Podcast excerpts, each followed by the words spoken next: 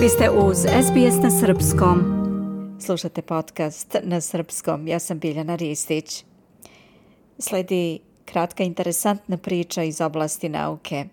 Forenzičarke Heidi Monkman i Maraja Gorej sa Univerziteta Flinders želele su da saznaju da li mačke mogu biti neočekivani izvor dokaza ukoliko su se zatekle na mesto zločina, a tokom svoje studije su i dokazale da mačke mogu da nose na svom krznu dokaze o tome kada je zločin počinjen.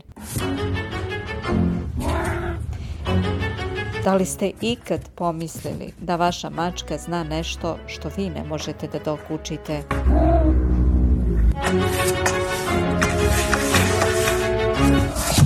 Posljednjih godina tehnologija analize DNK postala je toliko sofisticirana da čak i najsitniji tragovi genetskog materijala mogu biti relevantni za ispitivanje mesta zločina.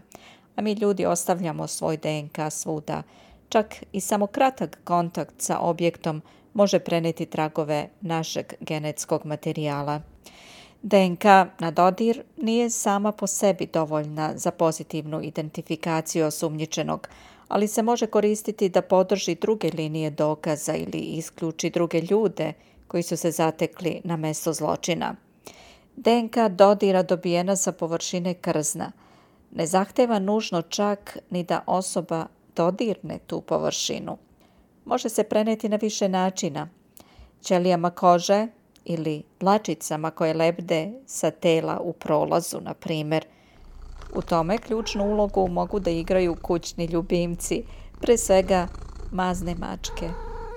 Tako su se forenzičarka Heidi Mockman i njena koleginica sa Flinders univerziteta Maraja Gorej, iskusna istražiteljica mesta zločina, udružile sa forenzičarem Rolandom van Oršotom iz Odeljenja za forenziku policije Viktorije da vide da li mogu da izvuku tragove čitljive ljudske DNK, odnosno dezioksilibonuklenske kiseline sa mačaka kućnih ljubimaca.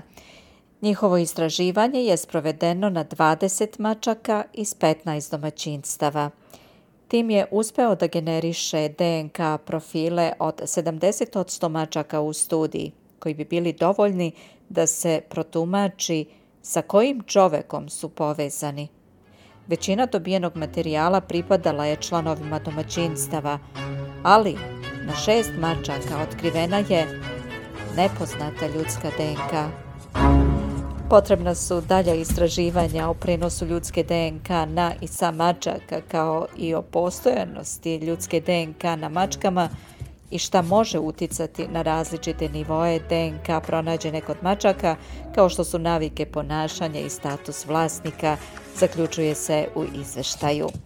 Studija je upravo publikovana u publikaciji Forensic Science International Genetics Supplement Series.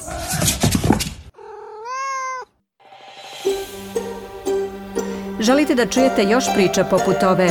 Slušajte nas na Apple Podcast, Google Podcast, Spotify ili odakle god slušate podcast.